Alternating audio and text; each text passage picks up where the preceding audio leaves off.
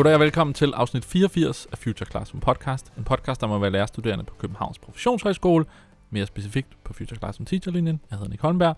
Med mig i dag har jeg Martin Eksner, som er nu er IT-didaktisk konsulent i Center for Undervisningsmidler. Ja, der er nede på Future Classroom Lab. Ja.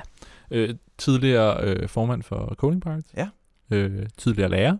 Ja, altid en gang lærer, hvad man siger. Og stadig nuværende Lyngby-fan. Ja, ja, ja, ja. ja. Ja. Første division, ikke? Ja. Øhm, Mark Strudal. det kan være, at vi skal lave sådan et After Dark øh, fodboldafsnit en dag. Ja, det tror jeg. Øhm, vi skal i dag øh, senere lytte til et interview. Det sidste, tror jeg, jeg tror jeg faktisk også, jeg har sagt det flere gange, men der dukker flere interviews op øh, fra Læringsfestivalen, hvor vi har øh, et, et spændende interview tilbage. Og så skal vi til at starte med, skal vi snakke lidt ultrabit og øh, mikrobit. Og hvad, altså Martin, hvad er nu det for noget? Ultrabit og mikrobit Ja. og... Og det er jo også... Øh, Det er noget, man hører, altså, nu ved jeg ikke, om det er, fordi man, man er i et lab og interesserer sig for undervisning, men det er noget, der er virkelig op i medierne også jo, nu. det er klart. Så Future Classroom podcast hopper selvfølgelig med på bølgen, og Ja, men det er jo det. Og Ja. det er jo også meget nærliggende her, fordi det er jo lige præcis også her, det sker. ja, Det her projekt, som er DR's øh, kæmpestore satsning i forhold til at komme ind på skolen og lave noget med programmering. ja, Øh, så DR har sammen med Industriens Fond smidt en hel masse penge i et projekt, der handler om, at alle 4. klasses børn i Danmark, øh, 65.000 børn, hold op. øh, får tilbud om at få sådan en lille mikrobit, som er en lille microcontroller, en lille computer, man kan programmere noget ned på. En lille printplade. Ja, Ja, øh, den skal de så øh, kunne lave noget undervisning ud fra, eller lærerne skal kunne lave noget undervisning til det ud fra den. Øh, CFU står så for en stor del i det projekt. Vi skal nemlig lave en hel masse lærer-workshops, okay. øh, så vi skal hele tiden supportere, at det her kommer til at gå rigtig Så I godt skal til. hjælpe lærerne med at blive gode til det, så de kan hjælpe børnene med at Ja. få den bruge det. Og vi står også for at distribuere alle de her øh, microbits. Fordi Ultrabit, det er jo projektnavnet, Ja. fordi det er Ultra kommer til at være kanalen, der, der spytter det rundt. Ja. Og de øh, skal lave noget tv om det også. Ja, og, og Microbit er dimsen. Okay. Og Ultra, det er Ultra kommer til at gå helt amok i september med, hvad hedder det, klassen og den sorte bagdyst. Den kender jeg ikke. Jeg kender klassen. Øh, det er sådan et eller andet øh, følgetong, sådan lidt, øh, ja, nogle venner, der blev uvenner, og Nå. Lidt øh, mysterier og sådan noget. Men det, er- nu så har man så en undskyldning for i september virkelig at se meget, det er ultra. Ja, for Men det er da alle lidt- deres programmer kommer til at indeholde det her. Men det er da lidt, altså, der er lidt med noget navn der, der er lidt forvirrende. Jeg tænker, Det, den kan ikke ligge på mine skuldre. nej, Men- Martin, Ja, Det- men, det- øh, ja, men øh, det er rigtigt, men jeg tror, øh, nu, nu kan man sige, det jeg ved det også godt. ja, Så de kalder den også mikrobitten, okay. Nå, det er meget som godt. er i Ultrabit-projektet. Okay. Men øh, der skal nok øh, opstå en masse forvirring i det. Men det er fedt, fordi prøv at tænke på, Det lyder helt vildt. Altså, Jamen. det er næsten sådan uvirkeligt, at det er Ja, ja, ja. kommet igennem. ja, og nu har vi jo et, et valgfag øh, i udskolingen, og der kommer måske noget mere, men det her, det er altså 4. klasse, ikke? så det er, det er ambitiøst, fordi det er alligevel øh, i 4. altså ret lavt. Det kunne godt have været lavere måske, men ikke med mikrobitten. Men man satser øh, på, at de skal lære det her tidligt. Altså, jeg føler lidt, vi er der Pinky og Brain. Vi er ved at overtage Oh, oh, verden. ja. Ja, og, men, men det fede er jo, at altså, prøv at tænke på, hvad så alle de her 4. klasses lærere, som så får tilbud om at komme på workshop ja, med os, og lære det rigtigt. ja, hvad kan de så øh, give videre til 5. og 6. klasses lærerne, der pludselig om et år modtager en masse børn, der bare kan en masse ting, og lærerne er ikke helt med. Og der må, der må ske noget der. Så jeg kan forestille mig, at det her kommer til at rykke. Men hvad, hvad er det fede ved mikrobitten? Hvad er det, den kan? Den er rigtig fed, fordi den har jo den er bygget op omkring et øh, altså en hel masse programmeringsuniverser. Man kan vælge en hel masse kodesprog og kode den ned på, blandt andet det her blokprogrammeringskodesprog, som er ligesom Scratch, øh, og det hele er browserbaseret, så det vil sige, at man behøver ikke at sidde og skrive tekstkoden. Man kan trække det sammen. Altså, så man tager den her dims og sætter til sin computer, Ja. og så kan du programmere den ved, uden at skulle skrive det her, hvis man har set The Matrix eller sådan noget, hvor der bare er koder, der flyver rundt. Det behøves man ikke. Ja. Man kan trække nogle små kasser over i stedet for.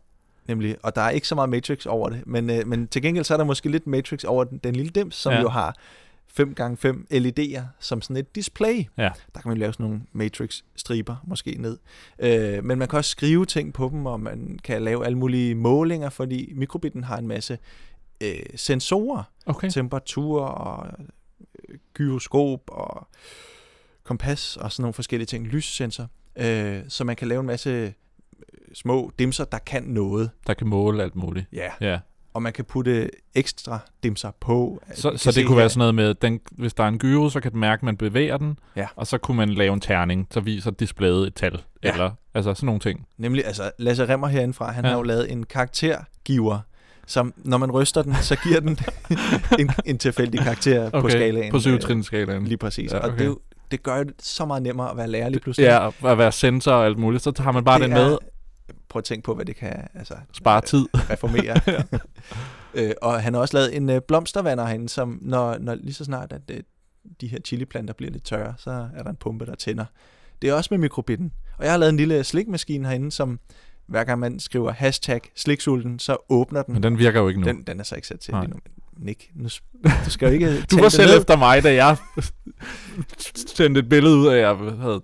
Ja, Hvad? Det- Hvad er det for et billede? jeg, sendte, jeg havde så, fordi den ikke virkede, åbnet Nå, den, ja. lagt min telefon ned i for at tage et billede, og så svarede du sådan, den virker ikke, så sådan, nej, det er derfor, jeg turde at lægge telefonen Jamen. ned i, for ellers så havde den lukket sig min telefon, og så Der var fanget så mange herinde, som snød og ja.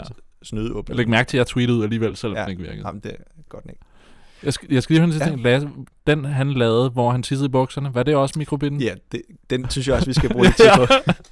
Vi, vi kørte Jeg tænker, en, den bliver vi øh, nødt til at dele. Ja, vi havde sådan en dag, hvor vi skulle lave øh, shitty robots. Vi skulle lave robotter, der bare ikke duede, eller de skulle du, men deres, de havde ikke noget formål. Sjov idé. Det var sjove robotter. Og, og Lasse og Karen herindefra, de lavede så en, øh, øh, hvad kan man sige, en panikknap, så når man trykkede på knappen, så var der en lille pumpe, der øh, Pumpet vand. pumpede vand lige der, hvor det ligner, man har tisset i bukserne. Ja. Og så bliver man jo øh, excused, og så kan man få lov at Så meningen var, hvis man stod til et møde, eller en eller anden fremlæggelse, ja, ja. så kunne man lige tisse i bukserne, Ja. og så kunne man få lov at gå. prøve lige at se, hvad altså, muligheder der ikke er i det. Ja. Men altså, man kan sige, at den her dims, den kan jo netop alle de her ting. Alle de her skøre opfindelser, hvis man sætter eksterne ting på. Man kan også bruge den i matematik, og man kan også bruge den i dansk, naturteknik, øh, håndværk og design. Der er rigtig mange steder, hvor det giver mening at bruge den her øh, mikrobit. Så derfor så prøver DR også at lave et øh, undervisningsmiljø på DR skole med materialer til mellemtrinnet i alle de her fag. Så det er meningen, at det skal passe ind, ikke bare i de der naturfag, som ellers vil være de oplagte, ikke? men også at det bliver, det bliver en æstetisk dims, hvis man kan sige det sådan. Men det er vel også et, sådan et step på vejen til, at jeg synes, vi har for mange gange snakket om, at hvis vi i de små klasser introducerer og viser eleverne, at der findes det her, og det er ikke farligt, og det kan være spændende, så kan det også være, at der er nogle af dem, der tænker, "Nå, nu har jeg lært at programmere blokprogrammering med en mikrobit, at de så får interesse for at gå videre, øh, fordi vi i vores samfund kommer til at mangle folk, der har de her kompetencer. Ja, Altså helt sikkert. Og man kan sige, blokprogrammering øh, over for tekstprogrammering, at der er jo store fordele og ulemper ved begge to. At Altså blokprogrammering er fantastisk til prototyper og Ja. hurtige idéer, der skal virke på et eller andet plan, og noget, der skal se sjovt ud og spændende ud, et spil. Men de er ikke så gode til det færdige produkt, eller det kan de faktisk ikke rigtig bruges til. Så hvis man vil lave noget hurtigt, der har noget med noget design eller noget i den retning at gøre, så er blokprogrammering jo oplagt. Men hvis det handler om at lære kodning grundlæggende fra starten, så skal man så måske tage tekstkode Ja. øh, i brug. Men det ved jeg ikke, om jeg synes, det gør. Øh, Jeg, jeg synes, i folkeskolen, og det er selvfølgelig en længere snak, der bør blokkodning øh, være rigeligt. Ja. Øh, det andet, det kommer bagefter for dem, der gerne vil videre i den retning. Men det er vel også et spørgsmål om at opleve. Jeg tænker, for mig i hvert fald, øh, førhen, der var det sådan en ting, når jeg så sådan noget programmering, jeg synes, det var vildt spændende, og ville gerne lære det, men jeg kunne tænke simpelthen, jeg, altså, det kommer til at tage så meget arbejde, så mange timer, før jeg kommer til at blive god nok til det, før jeg kan noget med det, jeg vil. Hvor der tænker jeg, blogprogrammering er en rigtig god introduktion, og man kan få lov at lave et eller andet. Det er ligesom at skulle tegne en eller anden vild tegning første gang. Lad mig lige tegne noget, jeg kan finde ud af først, så man ligesom rykker sig gradvist. Og det er vel også det, blokprogrammering kan. Ikke at skræmme folk væk. Ja, lige nøjagtigt. Vi har holdt i, i øh, Coding Pirates for nogle år siden, der havde vi sådan en kaptajndag, hvor alle afdelingslederne i foreningerne mødtes. Og så i stedet for, altså vi plejer at holde sådan nogle 24 timers game jams for børnene, Ja. så holdt vi 24 minutters game jam for de her, i godsøjne, voksne, øh, som jo mange af dem er programmører og har andre måder at have IT Mm. øh, tæt på kroppen. Og samtlige grupper brugte jo blokprogrammering. Ja, ja. Øh, Så det er jo også på en eller anden måde mere effektivt og hurtigere øh, til at få noget øh, ned. Ja. Og man kan sgu ret meget med det der blokprogrammering, synes jeg. For eksempel med Scratch, når, da jeg ligesom kaster mod det, tænker, altså man kan faktisk Ja, man kan faktisk nå ret meget, synes jeg. Og få nogle af de der forståelser for, hvordan ting øh, hænger Ja, sammen. Og sådan Ja, noget. altså. ja, lige præcis. Og det er jo bare et spørgsmål om, hvordan man kan altså, overskue det, ja, at når der kommer rigtig mange objekter på skærmen, Ja. så mister man overblikket, hvis det er blokprogrammering. ja, Der vil man så måske med fordel kunne bevæge sig over i tekstkode. ja. Fedt. Er der mere, vi skal sige om det, inden øh, Nej, det går i gang her i august. følg med Ultrabit. på det er på DR Ultra og Ja, dr.dk-ultrabit. er det, Der det, er det det bedste sted at Der er det hele samlet. Så skal vi lytte til et interview øh, fra Læringsfestivalen. Der kommer en masse mennesker forbi øh, Fysik Classroom Lab bestanden. Øh, og to, der kom forbi, det var Amos Blanton, som er en del af det her Lego Idea Studio. Ja. Og tidligere har arbejdet, jeg ved faktisk ikke, om han stadig gør det, med, øh, for eller med MIT. Og han havde Craig Hanning med, som også er fra MIT. Øh, og jeg tænker, vi lige lytter til interviewet først, og så snakker vi om det øh, bagefter.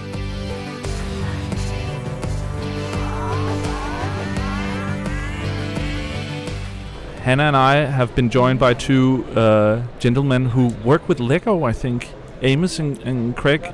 But I don't know a lot about it, so I think it's better that you introduce yourselves and explain what it is you're you're working with. Sure. Um, I'm Amos Blanton. And I run the Lego Ideas Studio, which is a project of Lego Foundation Center for Creativity, Creativity, Play, and Learning. And it's a place where we develop open ended activities that invite children to learn through play, often with technology. So we, we go in for what's called a constructionist approach. We want to in, invite kids to create things that are new and interesting to them. And so everything that we design has got that in mind as a sort of a principal goal. All right. And previously, I worked at uh, MIT Media Lab uh, along with Craig, actually, and so he can tell you a little bit about that. Yeah, um, so I'm Craig Hanning. I'm a master's student with the Lifelong Kindergarten Group at the MIT Media Lab. Um, so I don't work directly with Lego. I guess I work with Lego by association. Um, so that's still a lot of fun. Um, but my research group really develops um, creative tools for kids to develop as creative thinkers. Um, the biggest project of ours is Scratch, which is a visual programming language that a lot of kids are using around the world. Um, so on Scratch, we've already had 22 million projects shared globally. Wow. Um, so we've seen a lot of growth over these years. Um, and my research in particular focuses on connecting Scratch to the physical world. So both connecting existing tools and developing new tools that allow kids to kind of connect what they're doing on the screen with physical components. wow. And and I'm guessing you had you had a talk here, so that was what the talk was about as well. Yeah, exactly. So um, my thesis advisor, Mitchell Resnick, gave a talk yesterday, and we were kind of playing back some of the video, pausing at certain moments, and expanding on the ideas a little bit. Yeah. Wow. Yep. Yeah. Um, can you elaborate a little bit about like what it is for? Because for people, I think our listeners, some are very tech interested and and love that and has, has played around with stuff, but some are very new to it and are maybe, you know, Danish teachers or math teachers, but sort of don't know where to start with technology. Do you have any thoughts on, on that and how you sort of work with your project? Yeah, so I, I think Scratch is actually a great place to start. Um, so it's not really about just simply giving kids access to technology, it's allowing them to develop as creators with technology. So not using it as just a consumption tool, but being uh, using technology to actually create things of their own. Um, so Scratch is a visual programming language, and the way you create programs is by snapping colorful blocks together, um, not that uh, different than how Lego bricks are built. Yeah, and that's that's sort of a core philosophy to, to what we do is that we want to invite people to create new things, new things that are interesting and meaningful to them. It's not so powerful if they just sort of build a model that we designed, but we want to design a situation where they then are building something totally new. Maybe they've never even seen it before. That's sort of the exciting aspects of learning through play that, that we really sort of sign up for. So it's as much about the philosophy as it is about the actual technology. Yeah, yeah, maybe even more so about Yeah, the think philosophy in some ways. I mean, I think uh, we were talking earlier about this. We're often really skeptical of new technologies when they're introduced kind of for technology's sake, because that doesn't really make sense to us unless there's a clear way that we can see people using it in an expressive, creative way. Some way to kind of be empowered to be creative and make something new. That, that's really interesting because I think our teacher line, one of the things that is sometimes a little bit of a misconception is that because we use technology in our teaching or, or try it out, that we think technology works for everything or it should be in everything. Where it's actually more about trying the technology so we know when to use it and when not to use it. Totally. Yeah. Right. So I think you know building with clay, building with paper, cardboard materials is just as important as using technology to create. It's not really the fact that it's technology that makes it so interesting. And the use of technology is not always great. I mean, I think that uh, I don't I don't get so excited about kids watching YouTube videos all No. day long, right? That's using technology, but not so creative, not so innovative or interesting. But when they're using technology as they are with Scratch or with some of the different kinds of Lego technology projects, then they're actually creating something new, and that to me seems like a different kind of interaction with technology, one that is really valuable. All right. Yeah. And you were here earlier making a workshop uh, at the Future Classroom Lab stand. Could you tell about uh, tell the listeners what you did at that uh, event?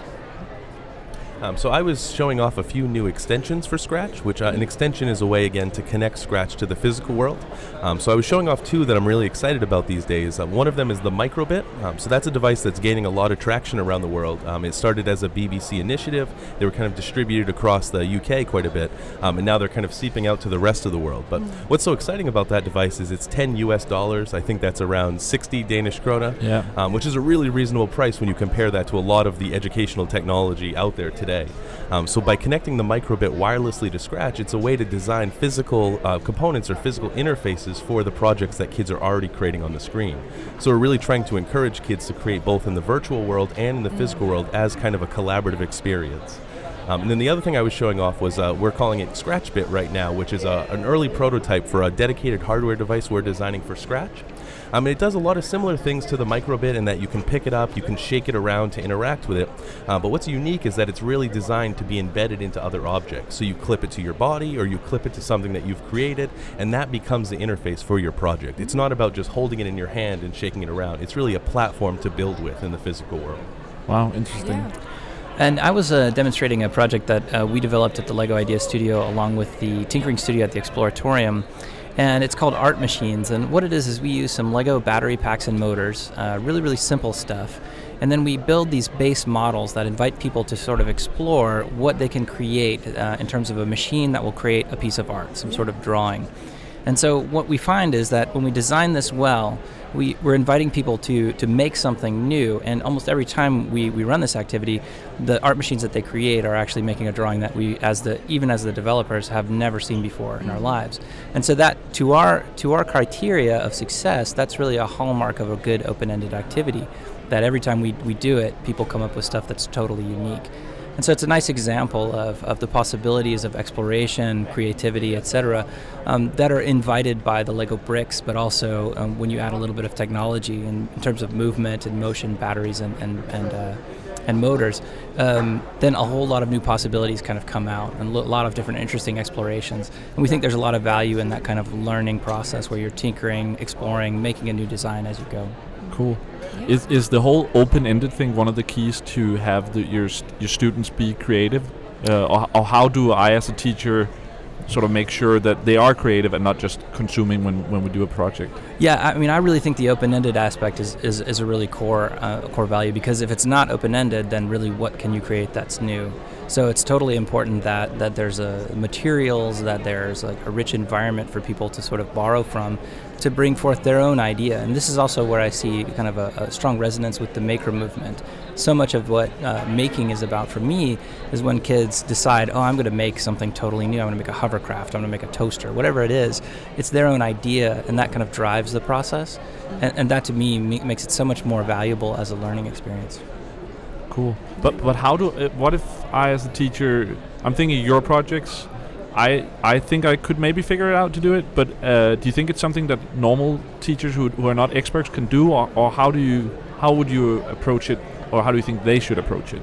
Yeah, so I definitely think it's something that any teacher could be able to engage in. And I think it's really important that, you know, assessment is an important thing, but it's difficult to assess creativity, right? It's not Ah, something yeah. that has clear outcomes.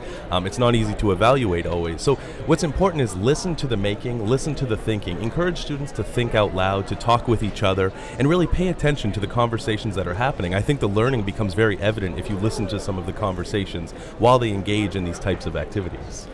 I think it does definitely change the role of the teacher in an interesting way because I think a lot of teachers now, when they see new technologies, they feel kind of nervous because they're like, oh, I need to know everything about hmm. how this works because what if they ask a question and I don't know the answer?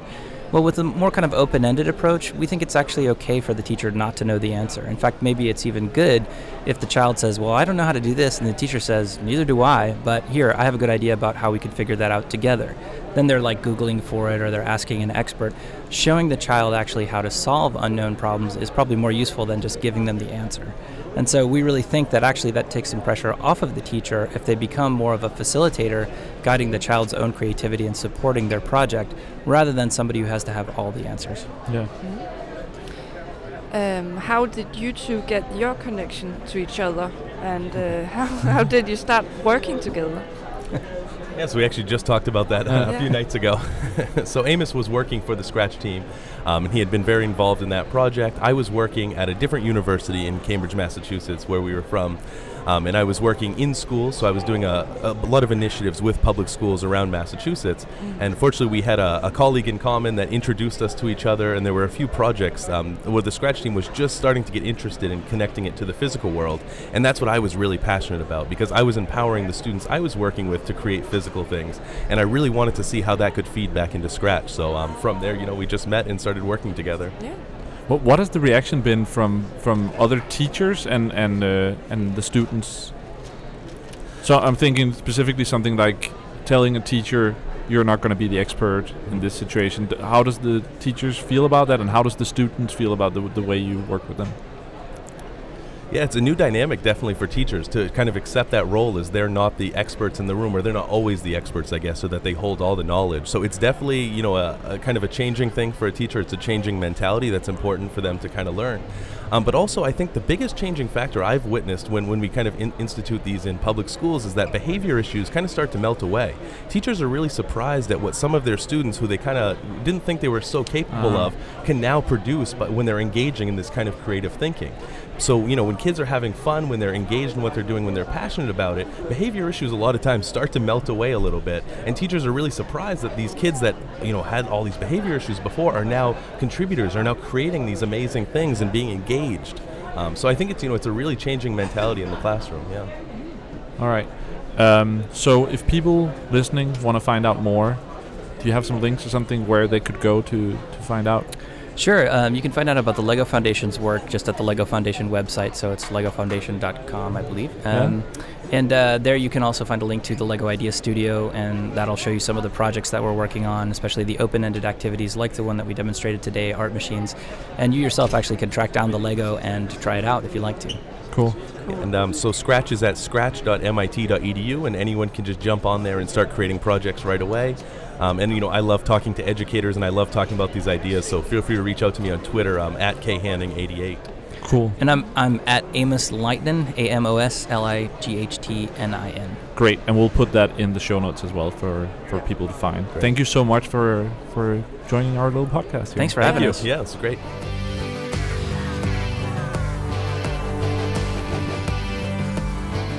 Det var interviewet med Amos og Craig.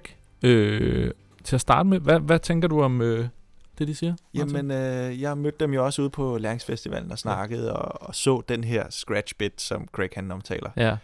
Og det er jo, det er jo ret fedt. Det er Der- faktisk du blev helt sejt. begejstret, Der blev, jeg, der blev jeg glad.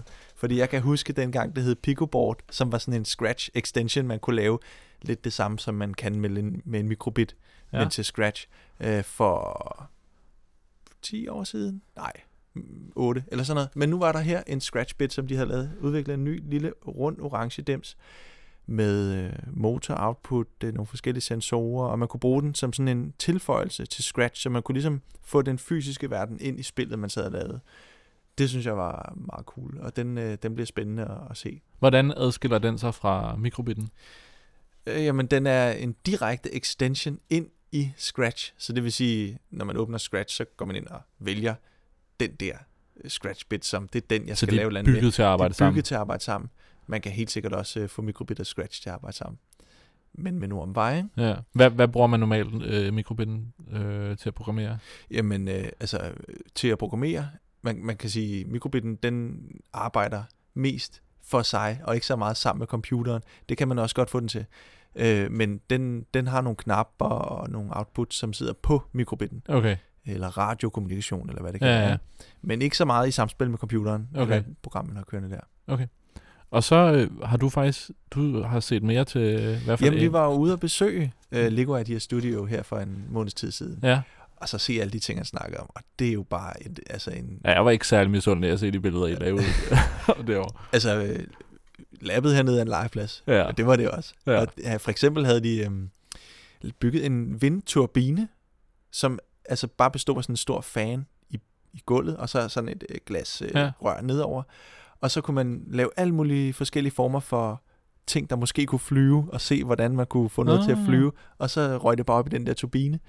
Øh, der, der var et øh, sådan et, øh, hvad kalder man det, sådan et hejseværk Ja. op i, man kunne lave sådan nogle karts, der, der kørte på sådan en tråd op i loftet. Dem kunne man også selv designe, og så kørte de bare rundt. Og der var et øh, øh, sådan skyggespil med nogle forskellige ting, der kunne dreje om bag noget lysshow, og så kunne man lave sådan nogle små interaktive eventyr. Og du kan jo måske regne ud, at den var Lise selvfølgelig helt op og ringer.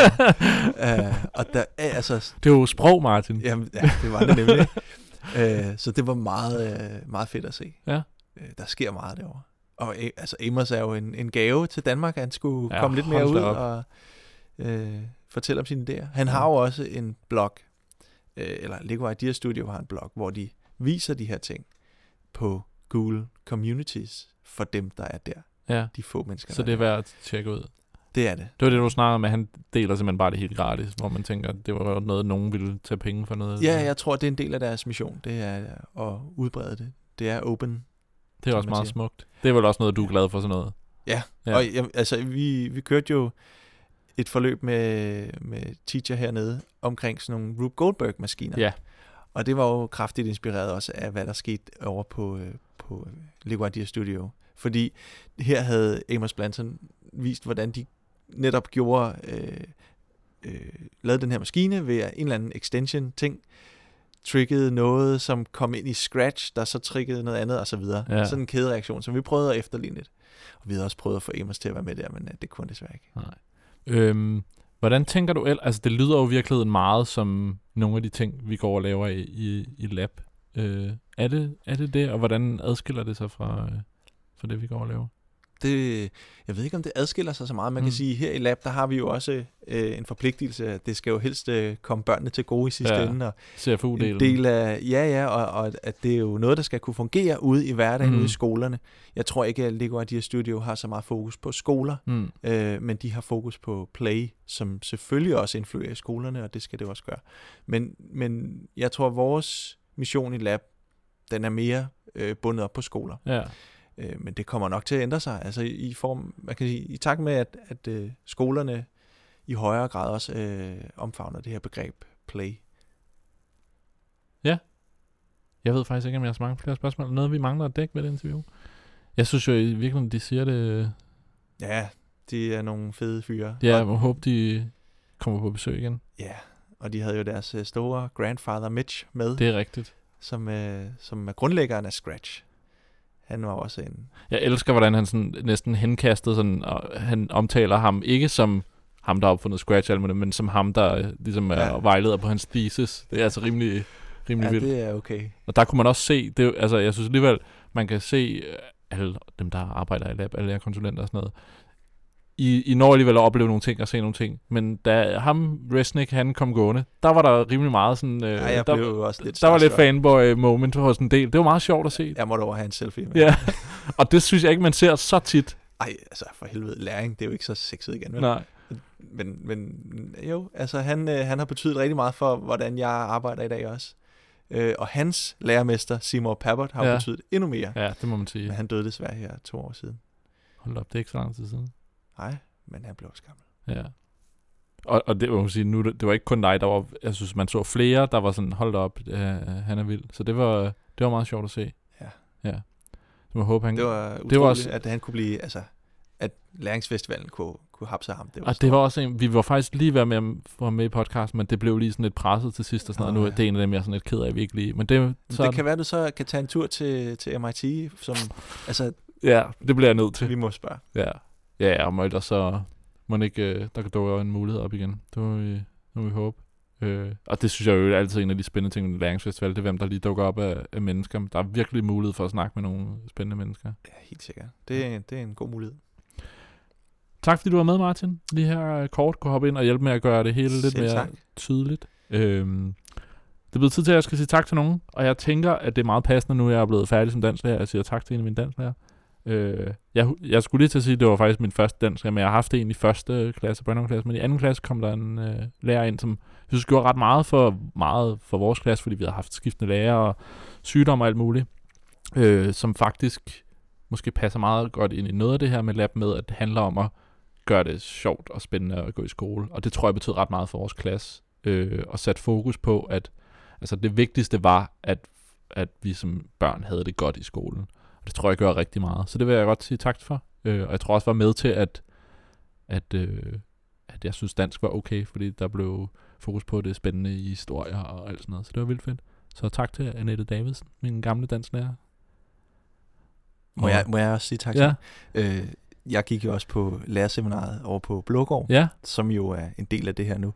Og øh, der var en øh, historielærer, som på en eller anden måde øh, synes, fik mig til at synes, at øh, læring var spændende. Fedt. Øh, og hun hedder Anne-Katrine Scheibel, og hun er faktisk min kollega i dag. Hun ved ikke, at øh, det betød sindssygt meget for mig, det der, ja, hendes øh, motivation smittede af dengang. Øh, så det var meget sjovt.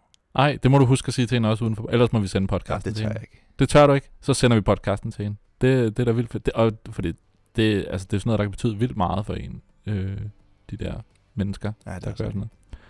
Fedt. Tak fordi du var med, Martin. Ja, selv tak. Øh, husk, du kan lytte til vores lille podcast her på SoundCloud og iTunes, hvor du ellers lytter til podcast. Øh, og vi er også på sociale medier, Instagram, Facebook og Twitter. Vi hedder Future Classroom Podcast alle steder. Tak fordi du lyttede med.